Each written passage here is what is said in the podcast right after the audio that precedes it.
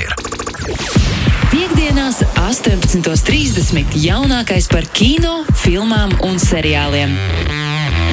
Pieci skatās kopā ar Sergeju Timoņinu. Kā mēs ļoti labi zinām, nav nekas sensuālāks un romantiskāks kā viens filmu seans. Labvakar, Sergei! No vakar iespējams, kas šeit notiek. Kāpēc? Uh, Pikantās ziņas līdz pat pulksten septiņiem katru piekdienu. pareizi. Uh, nu, labi, labi man, uh, man jāpiekrīt, ka tā tas, tā tas mēdz būt. Un noteikti ir, ir un arī būs šonadēļ. Bet Tas šodien- gan, tas tas gan. Ah, bet es saprotu, ka atkal ir noticis 1. aprīļa pārpratums, un man ir uh, cits toms nekā ir ierasts. Bet tas nekas. Es esmu priecīgs arī. Nē, nē, nē. Par- Toms Grēviņš šeit. Es esmu priecīgs par visiem, par visiem tādiem. Ko daudz. Klausies, Tom Grēviņ, kas ir, uh, kas ir bijis jauns tavā kino dzīvē? Kāda sensuāla, romantiska, pikanta filma? Tāds pikants atgadījums. Man okay. Ok. bija gadījies aizvadīties svētdienā. Daudz klausītāju par šo jau zina. Bet bija Oskara nakts, uz kuru pēc vairākiem gadiem, kad es sapņoju redzēties šo nakti kinoteātrī, atnāca ēpasts, ka tieši šogad šis seans ir atcelts. Tas tāds Tā gan. sensuāls notikums. Tā gan mēs nepieredzējām, kā tieši šajā eterā Vils Smits uh, agresīvi reaģēja uz izteiktu joku. Un tā rezultātā mēs aizmirstām, kas vispār bija Oskaros. Kaut kādas filmas vinēja, dažas filmas zaudēja. Ko lai dara? Tāda dzīve. Duna bija ļoti liela uzvarētāja. Vai Jā, īstenībā Džuna tā arī beiga, beigās bija vislielākā uzvarētāja. Lai gan tehniskajās nominācijās, bet filma saņēma sešus Oskarus. Bet, zini, kā ir, es varētu nomierināt tevi un arī visus mūsu klausītājus, tie, kas pārdzīvoja, kāpēc Džunā tur nebija, piemēram, Denīvila Nevis nominēts kā režisors, kāpēc viņa nedabūja labāko filmu, kāpēc tur tas, tas, tas. Viss kārtībā. Uh, mums nesen bija tāda triloģija, kas saucās Gradzena pavēlnieks. Viņu, starp citu, kinoteātros tagad tieši šajā brīdī rāda atkārtoti, ja interesē. Un uh, Gradzena pavēlniekam bija tieši tas pats. Uh, viņi divi, divus gadus, uh, 2002 un 2003 gadu, uh, Oskaros saņēma ļoti daudz tehnisko nomināciju Oskarus. Un 2004. gadā par trešā gada filmu uh, Karaļa atgriešanās viņi saņēma arī visus galvenos Oskarus, tā skaitā arī filmu režiju un tā tālāk. Līdz ar to es domāju, ka uh, Džuna, kurai mēs jau aiznākam gadu gaidām otro un noslēdzošo daļu uh, šīs stāsta, ko jau bija minēts iepriekš, uh, ka Nebūs Džunu gaida? Kaudu. Nebūs trīs. Varbūt būs trīs. Jā, jā tad bija taisnība. taisnība. Viņa teica, ka pēc tam varbūt arī būs trešā, bet šis tieši stāsts, ko viņi tagad ekranizēs, tas ir sadalīts tiešām uz pusēm un būs tā kā otrā un noslēdzošā daļa vismaz uz to brīdi. Es domāju, ka uh, viņi vienkārši kaut kādā ziņā taupās un tad. Tām, tā ir filmai, kura jau ir uz Oskara brīdī ir paziņota, ka viņa tiešām notiks un uzņemšana sāksies jau augustā. Uh, viņa saņems tad, uh, arī galv, nu, tā saucamos galvenos netehniskos Oskarus, bet uh, droši vien par scenāriju režiju. Varbūt filmu, varbūt redzēsim. Viņai jābūt labai, bet nu, kurš tad šaubās, ka viņa būs laba? Nu, tā, jā, un tieši kā mēs te runājām pirms, pirms laika, kad Netflix suņa, suņa, suņa vara Jā, izrādījās, ka, nu, ka no 12 nominācijām ir tikai viens Oskars. Lai gan, protams, tas forši, kad uh, Dženija Kempionē, kā sieviete režisore, viņa saņem Oskaru. Tomēr es jau teiktu, ka kaut kādā ziņā tā ir. Tāpat ir daudz lielāka neveiksme Oskaros nekā tikai viens Oskars no 12 nominācijām. Jo Netflix platforma, kas ir tik ilgus gadus cīnījusies par to, vai viņi vispār atzīst Oskaros un vai viņi var piedalīties un tā tālāk, Uh, nebija pirmā straumēšanas platforma, kura saņēma Oskaru par labāko filmu, un tā kļuva Apple platforma, kurai ir filma koda. Tas ir burtiski tā kā, tā kā droši vien tajās animācijas filmās, kur kāds pieskrien pēdējā brīdī klāt, saķer un izrauj no rokām un aizskrien projām. Nu, tas tā pasaka par to Gojamazi, kurš tur ļoti ilgi uh, gāja uz to savu uzvaru. Nerealizējās. Diemžēl zaķis atskrēja pirmais. un Varbūt, kad, uh, varbūt, kad džungļu likumi tādi arī ir. Labi, nefilozofijas mums ir ļoti daudz, kas skatīties. Šonadēļ, uh, nu, lūk, tas arī jā, tas viss. Tu tā kā saprati, ka Oskara nebūs un, uh, un neko nenoskaties. tieši tā, ielīdz savā gultā un aizgāja gulēt. Es, es biju nobrīdis noskatīties suņu varu, bet Bet tu saproti, ka tu, kā, tu nevari. Tev jā, tu gribēji sagaidīt, kad pasniegs Oskars. Tu saproti, ka neiedeva Tad Oskars. zinātu, kur, kuras ir vērts tad tu skatīties. saproti, ka varbūt ka neskatīsies arī un nevarēs pārdzīvot. Šodien ir, ir četras jaunas filmas kinoteātros. un Mums ir daudz diezgan straubēšanas filmas. Un, Sāksim ar lielāko filmu, par kuras mums arī būs pēc kaut kāda brīža dziesma. Ā, Es diezgan labi atceros, kā mēs runājām ar tavu priekšteci, Magnus Seriņu, par šīs filmas pirmo daļu. Un arī par viņas dziesmu, par to mēs vēlāk teiksim. Jo uh, ar šodienu kinoteātros ir uh, filma, kas uh, sa, mums ir jaunā mūsu kino franšīze, vien- viena no retajām pēdējā laikā.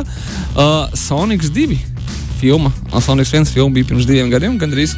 Nu, pandēmijas laikā sanāk trāpīja. Uh, Sonics 2 tika izveidots salīdzinoši ātri. Un, uh, ja atcerēsimies to, ka Sonics 1, un es to teicu pat šajā raidījumā, ir viena no laikam jau labākajām uh, video spēļu ekranizācijām, ka kaut kas tomēr notiek pareizi un nav, nav vēl komiksu filmu līmenī, bet pamazām iet uz uh, to pašu pusi, kad arī video spēles sāk ekranizēt tā, ka to var īstenībā arī skatīties un varbūt pat arī izbaudīt. Uh, un uh, ir klāta otrā daļa, kas uh, ir kā klasisks Haudas sīkos, viņi piedāvā visu to pašu, tikai vairāk. Nu, Un jāsaka, vēl o, ātrāk, labāk, ātrāk, jā. Viņš ir kļuvis vēl ātrāks. Jā, šajā gadījumā, šajā gadījumā ir vairāk arī brīnišķīgu aktieru. Pirmajā daļā atcerēsimies, tad laikam, viens no, vien no, viens no spilgtākajiem tēliem bija mm, ļaunais doktors Robotniks, kur atveidoja Jims Kerijs ar milzu ūsām. un Tad šajā gadījumā viņš ir atpakaļ.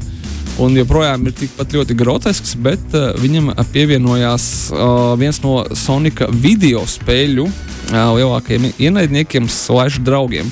Nakals, uh, kuru ierunā brīnišķīgais aktieris Idris Elba, daudziem pazīstams pēc dažādām filmām un serijām. Līdz ar to nu, sāk, sāk, ka, nu, es ceru, ka trešajā daļā viņiem pievienosies vēl kāds ļoti spilgts, spilgts aktieris.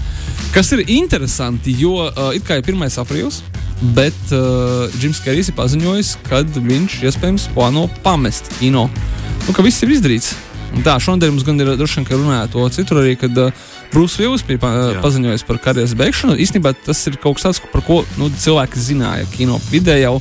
Ka viņam ir šī slimība jau kādus gadus, divus apmēram, un uh, pēdējā pusgada laikā tas sāka tā, nu, teiksim, tā sūkties ārā. Nu, ka, nu, bija ļoti daudz, teiksim, da, daudz industrijas raksti par to, kas jātiek pēc tam, nu, ka notiek. Un tad daudzi komentāros arī sākumā anonīmi teica, ka Brūss Vils problēmas ir nu, ar mentālo veselību, un tāpēc arī tur ir, nu, ka viņš dara tik jocīgas filmas, vai teiksim, jocīgi uzvedās, nerunā filmās ir mazāk dialogu un tā, jo teiksim, citādi to nevar izskaidrot. Un, un skaidrs, ka nu, šodien tas visticamākais tas bija tāds kaut kādā ziņā damage control, un uh, viņi paziņoja to oficiāli. Bet arī Karītas paziņojums savā ziņā ir ļoti, manā redzējumā, ļoti, ļoti novērtējams. Jo nereti ir tā, ka ir aktieri, kur tikai naudas dēļ turpinās, turpinās, turpinās līdz viņa karjerai aizies pilnīgos bezdibeņos, un tad sanāks kā sanāks. Bet Ziniet, kā Kerijs arī tāds nu, brīdī. tāds, tā kā negluži sa- savāds.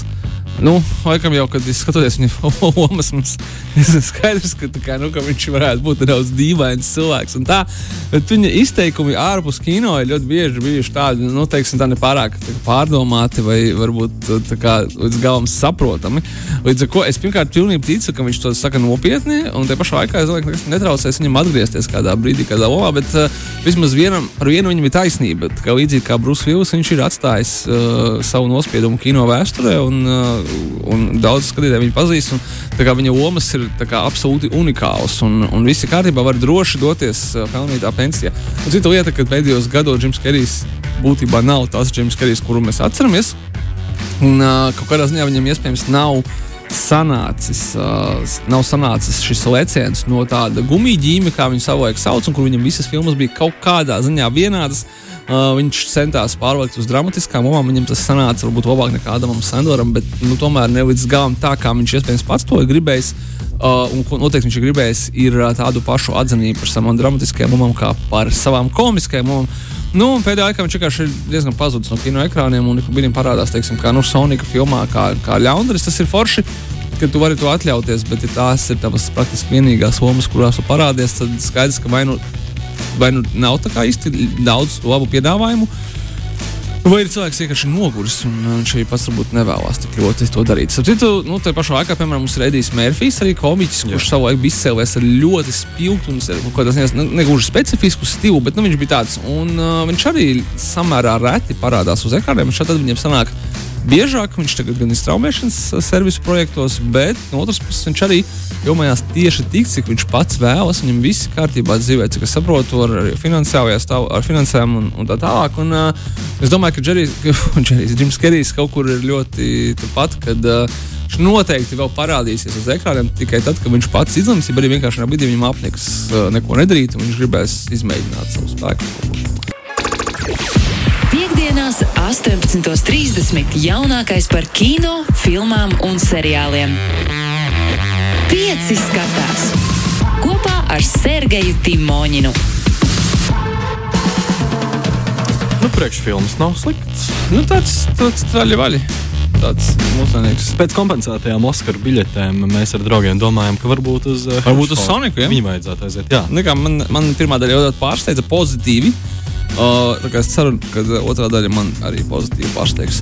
Zinu, tiem, kas ies uz kino, tad jau ir atcelti visi Covid ierobežojumi. Var bez maskām, var normāli grābt popkornu, saujām, stūķēt mutē virsū, uzsist kolu. Tur, tā, ka, nu, baudīt stumt kino. baudīt kino pēc pilnas programmas. Bet tomēr atcerieties, ka man šeit, ka 2000 dienā joprojām ir inficēti cilvēki. Nu, tas tā, vai nav viss tā kā medus maize. Uh, ejam, kas mums ir tālāk kino. Kino mums ir uh, otrā lielākā filma, un iespējams, ja viņai būtu viņas galvenās lomas atveidotājs pacienties. Un, uh, izspiedis no sevis to, ko vajag, tad tā būtu mūsu pirmā filma un arī dziesma. Bet tā kā viņš nav, tad nav. Uh, Marvel komiksu filmu cienītājiem. Morbijus, jeb Morbijus, mm. uh, iekavās The Living Vampire personāžs, kurš ir Tev nav pazīstams, ja? Nē. Tu neesi skatījies, zini, ka cilvēku animācijas filmu kanālā LNT kādreiz. Kad, kad tu nebija piedzimis, tad mēs droši vien skatījāmies Nē, ar maniem laika biedriem. Es Madagaskaras pingvīnus. Bija kādreiz animācijas uh, seriāls par zinekļu cilvēku un arī X cilvēkiem. Nu, lūk, tas varētu būt. Es vienkārši atceros, no kurienes mēs, uh, kā Latvijas skatītāji, varētu zināt Morbius. Tad tas ir tieši šis animācijas seriāls. Bet, nu, tas ir varbūt tādiem jā, veciem, veciem cilvēkiem kā es, jaunākiem cilvēkiem, visādas video spēles, droši vien arī komiks un tā tālāk. Personāžs īstenībā ir ļoti, ļoti populārs. Personāžs saistīts ar vēl vienu komiksu varoni Blade, kas ir no, arī no Marvel komiksiem. Un darbojās tajā Marvel komiksu pārdabiskajā vidē, pārdabiskajā nostūrī, nezinu, kā viņu pareizi pateikt, bet kā, ņemot vērā to, ka uh, ir tautai vajadzīgi jauni varoņi un visi atriebēji jau ir izsmelti un izmalti pa entajām lāgām, tad skaidrs, ka tiek meklēti tur viss kaut kādi gan kosmosā, gan citās dimensijās kā Dr. Strange tur un tā tālāk, gan arī tagad pārdabiskajā un Morbijus, līdzīgi kā Blades, līdzīgi kā vēl viens personāžs, kurš startēja šonadēļ mums nepieejamajā Disneja pusstraumēšanas platformā Moon Knight. Un, un vēl kā varonis Vilkatis kaut kad agrāk vai vēlāk, visticamāk, apvienosies savā komandā, kurai ir pat nosaukums Marvel komiksos Midnight Suns. Lai kā arī būtu, to, to mēs izdomāsim vēlāk, bet filma Morbijus ar Jaredu Leto galvenajā lomā, uh. aktieri un arī mūziķi, kā jums droši vien pazīstama, kā 30 Seconds to Mars solists un arī galvenais ideologs. Nu, lūk, labs jautājums. Džaret, kur ir dziesma? Kāpēc Vils Smits var ne tikai iekaustīt citus komiķus, bet arī iedziedāt dziesmas diezgan daudzām savām filmām? Men in Black 1, Men in Black 2, Wild Wild West. Nu, droši vien vēl kaut kam vēl, nezinu, neatceros, vai Bad Boys bija vai nebija. Un Džarets Leto laikam ļoti, ļoti sadalās. Viņš tā kā iznāk no mājas, ja viņš ir uzvilcis aktieru jaku, tad viņš ir aktieris. Jā. Ja tā ir mūziķa, jā, vai apa vai zābekta, tad tas ir mūziķis. Bet, ja kurā gadījumā Džarets Leto jā, nav uztaisījis un, un filmā Morbius neskan 30 sekundes to Mars skaļi sev viņa neviena dziesma. Pati filma gan nāk no studijas Sony, kurai pieder daļa no zinekļu cilvēku, ne, bet no jā, Marvel tiesībām, kas ir zinekļu cilvēks un viņa draugi un nedraugi. Bet kā mēs to esam ar jums ļoti uzzinājuši filmā, zinekļu cilvēks uh, nav, māju ceļa nav, tad tagad viss tas ir naugi jau pasaulē un arī šajā filmā tas parādās. Uh, līdz ar to tiek pieminēts gan Venoms, gan zinekļu cilvēks, gan arī dažādi citi draugi un nedraugi, kas jums ir jau iespējams ļoti labi zināmi. To es jums neatklāšu. Uh, atklāšu tikai to, ka jā, filmai ir. Uh, briesmīgs Rotten Tomatoes reitings, ir 13 no 100. Kritiķiem Morbijus nepatika, un viņi nepiedeva Jaredam Leto to, ka viņš neuzrakstīja dziesmu visticamākais. Bet filma ir, ja jums patika Venoms, tad man šķiet, ka jums varētu patikt arī Morbijus. Humori mazliet mazāk, bet man liekas, ka tā vampīru tēma, jo galvenais varonis ir vampīrs. Un ne tikai galvenais varonis, bet to es arī nespojošu. Es domāju, ka viņi ir diezgan aktuāli joprojām. Uh, kaut kādā brīdī viņi bija bijuši pamirkusi pēc krēslas. Bet tagad viņi varētu īstenībā atgriezties. Un kāpēc gan neapvienot vampīru tēmu un supervaroņu tēmu? Un filma ir tieši droši vien kā, kā Venoms vai kā droši vien tā bišķiņa zemākā gala Marvel filmas, ja tā var izteikties. Jebkurā gadījumā, kā jau saprot mūsu klausītāji, ja tu gribi būt tēmā un saprast, kas tu tur tajā visā komiksu apvienotajā multiversā notiek, tad Venoms, ne, bet Morbijus būs jāskatās, gribot vai negribot šā vai tā. Nu, ka tiem, kas, kam visi šie kaut kādi triko jampampiņi ir galīgi, galīgi garām, ko es arī varētu saprast. Uh, lai gan es sapratu, ko kritiķi, nepiedeva. Džerards Leto paziņoja, ka uh, tagad kaut kādā intervijā pirms Morbijas iznākšanas, kad kinoteātri neizdzīvos bez komiksu filmām. Un tā laikam kritiķis tā, ka, laik, nu, tu esi tas, to parādīsim, tu, kā mēs izdzīvosim bez tevis un bez tavas mūzikas un bez tavas filmas. Bet, nu, gala lēmumu anyway lems skatītāji. Tad, nu, lūk, pavisam, pavisam nopietna filma. Es domāju, cik daudz cilvēku tieši šajā brīdī gribēs skatīties filmu izdzīvotājs, jeb Survivor. Uh, kas stāsta par Gēriju Heftu, poļu izcelsmes ebreju, kurš uh, izdzīvoja Osvencīmas, jeb Aušvicas koncentrācijas nometnē un uh, piedaloties nacistu apsargu tik ļoti iecienītajās boxa cīņās uz dzīvību un nāvi. Nu, tā kā diezgan skarba, skarba tēma, un tu iedomājies, otrais pasaules karš koncentrācijas nometnē cilvēki dara ļoti nepatīkamas morālās izvēles. Tomēr, tomēr uh, pasaules vēsture. Jā, filmas režisors ir uh, jau cienījama vecuma, bet joprojām jā, jāsaka, ka gandrīz kā mūsdienu klasiķis Berijs Levinsons, kuram savulaik bija tāda filma kā Rain Man ar uh, Tomu Krūzu un Dustinu Hoffmanu. Un galvenais somās tādi aktieri kā Bens Fosters, Viki Krīps, Pīters Sarsgards un Džons Leguzamo un pat Denijs Devito, respektīvi ir, uh, šis režisors tiešām ir uh, pelnījis sapulcināt savā filmā ļoti, ļoti spilgtu aktieru komandu, neskatoties uz šo nepārāk vieglo, pusmodīgi ļoti smago filmu tēmu. Domāju, ka uh, es noteikti rekomendētu, man aiziet noskatīties. Tas būs tāds tiešām emocionāls, bet uh, beigu beigās es domāju, ka pacelājošs stāsts. Atcerēsimies, tā filma tomēr ir Haudas filma. Viņa stāsta par to, kā viņš izdzīvoja, nevis par to, kā viņš neizdzīvoja. Līdz ar to es domāju, ka varbūt kaut kāds cerības stars mums visiem pēdējā laikā arī būtu ļoti, ļoti noderīgs. Nu, lūk, uh, straumēšanas frontē mums ir uh, lielā nedēļas filma no Netflix, un par to gan man nav nekādu šaubu, kad viņu noskatīsies lielākā daļa no mūsu klausītājiem. Vai arī, ja pat nenoskatīsies savus kārtējā Netflix, uh, liela, Netflix lielais hīts. Filma ir pirmkārt komēdija. Mm -hmm. Otrkārt, filma ir komēdija par to, kā tiek uzņemts kino kas ir žanrs pats par sevi un kas man šeit cilvēkiem ļoti patīk. Viņam patīk skatīties un pasmieties par to, kā tiek uzņemts kino. Atcerēsimies tādas filmas kā Tropic Thunder ar Benu Stilleru, kādas filmas kā Bowfinger ar Ediju Murphyu un Stevu Mārtiņu, un arī daudz, daudzas citas, kas parāda šīs kino uzņemšanas tumšo pusi, bet, protams, ar smiekliem un izsmējot attiecīgi uh, aktuālos Hovudas procesus. Nu, pirms tik ļoti, pēc tik ļoti gara ievada, tad jāatzīst, ka šī filma saucās The Bubble, jeb burbulis, un trešais viņas elements ir Covid. Tāpēc, ka viņa stāsta par to, kā Covid laikā grupa ar aktieriem, kura veido uh, tādu ļoti tipisku Hollywoodas blockbusteru, kurš zem kura mēs ļoti labi redzam, kad ir domāts Jurassic Park vai tāda līdzīga monstru filmas. Uh, viņi uh, uzņemšanas laukumā viņus jā, pārsteidz Covid, un viņi mm. tiek izolēti attiecīgi saurupmājā uh, kaut kur Anglijas vidienē.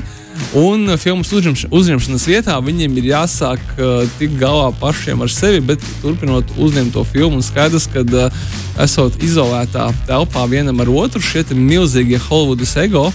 Nu, viņi ļoti ātri teiksim, tā, netiek viens ar otru galā. Tas klausās ļoti interesanti. Es jau atvēru Netflix. Kā... Jā, būs. būs. Saka, ka būs. Jā. Uh, kas ir forši, kad uh, šīs uh, filmas režisors ir jāsaka leģendārais komēdijas režisors Juds Apatovs, mm -hmm. 40 Year Old Virgin. Piemēram, un ļoti daudzas filmas ar Setu Rogenu, kuras viņš ir vai nu režisējis, vai nu producējis. Kādreiz, manuprāt, neviena lielā Hollywoods komēdija kaut kādā ziņā neiztika bez Džada Apatova pirksta. Pēc tam viņš gan bija mazliet, mazliet aizgājis tādās nopietnākās filmas. Viņa pēdējā filma pirms tam bija The King of Staten Island. Tāda komiska drāma, bet tomēr vairāk drāma.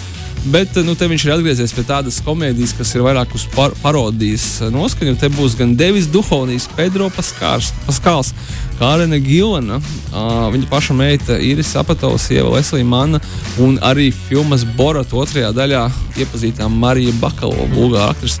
Un pat Benedikts Kamberbačs, nu, kur tur bija uh. filma vai filma, kas norisinās Lielbritānijā, bez Benedikta. Tā kā, tā kā tā, es gaidu, ka atkal būs Netflix paziņojums, ka tā ir kaut kāda viņu visu laiku skatītākā filma, vismaz daļēji, bet, nu, skaidrs, ka komēdija ir diezgan, diezgan precīzs žanrs.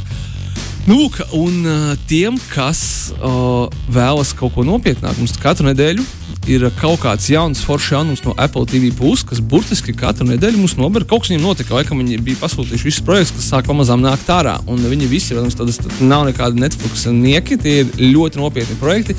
Un šoreiz ir spiegu drāma sešās daļās, pie tam britu spiegu drāma.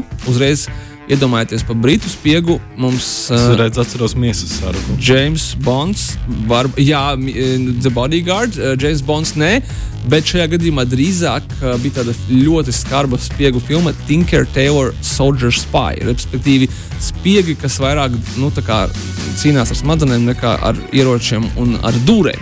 Uh, kāpēc tieši Tinker Taylor Soldier Spy? Tāpēc, ka šis projekts ir, ar, kurā ir galvenie lomā un kuru ir kaut kādā ziņā iedvesmojis aktieris Gary. Gērijs Oldmans, brīnišķīgs britu aktieris. Un, jā, viņš stāsta par uh, britu dienesta MI5 spiegu aizkulisēm.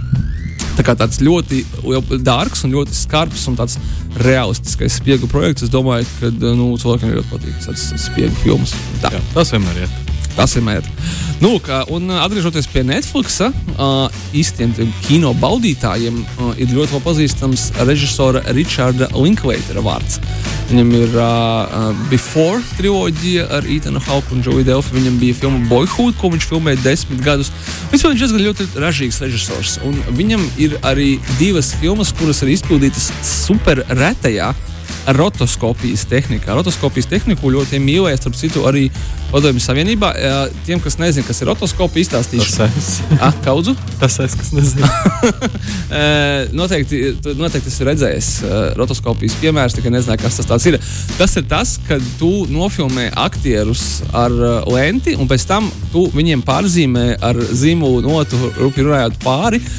Tāpēc izskatās, ka tā ir tā tāda animācijas filma Bet ah, viņi kustās pārāk dzīvi. Nu, viņi, ah. Animētie personāļi kustās pār, nu, pārāk dzīvi. Saprotu, ka tie ir īstenībā aktieri. Bet patiesībā mm -hmm. tie ir aktieri, kas ir filmēti. Pēc tam, nu, protams, ka mūsdienās ar datoranimācijas palīdzību viņiem vienkārši tiek pārzīmēts pāri, līdz ar to viņa animācija ir pilnīgi dzīva. Tas ir nedaudz savādi, bet tu saproti, kā, nu, kā cilvēka aci, ka tā nav īsti animācija, lai gan tas viss ir nu, dažreiz nu, ir uzzīmēts. Tādā veidā agrāk ietaupīja uh, līdzekļus, filmējot dažādus fantastiskos elementus, tāpēc, ka skaidrs, ka nu, tev naudas nav uz grafiku un, un, un efektiem, tad šī ir vienkāršāk. Bet režisors Ričards Līkveiters to izmanto tikai kā stilistisko paņēmienu. Viņam bija divas filmas pirms tam Waking Life un Scanner Darkly pēc kā Dika uh, romāna motīviem, uh, bet tagad viņa jaunākā filma ir par uh, ASV kosmosa misiju. Viņa saucās burtiski Apollo 10 ar pusi. A Space Age Childhood, un lai Richardu Linklateru nepiemeklētu finansiālas neveiksmes kinoteātros, kā bieži vien piemeklē, viņi ir ļoti specifiskās un tādas, nu, tā kritiķu mīlētas un skatītājiem vienmēr mīlētas filmas. Tad viņi iznāk Netflixā, vai vienkārši viņi var noskatīties un daudz nedomāt par to, cik tad Richarda Linkleitera filma nopelnīs kinoteātros. Un tad skatāmies. Un, Protams, tas ir tāds baudām, ļoti, ļoti baudām, interesants baudām eksperiments un uh, ieteiktu vienkārši kaut kā pamēģināt pirmās kaut kādas minūtes, lai saprastu, kas ir tā rotoskopijas tehnika un vai jums ir viņa pa ceļiem vai nē. Paldies, Agatim Oņim, tiekamies jau pēc nedēļas. Vienmēr prieks. Pieci skatās. Pieci skatās. Klausies šo raidījumu savā mīļākajā straumēšanas servisā.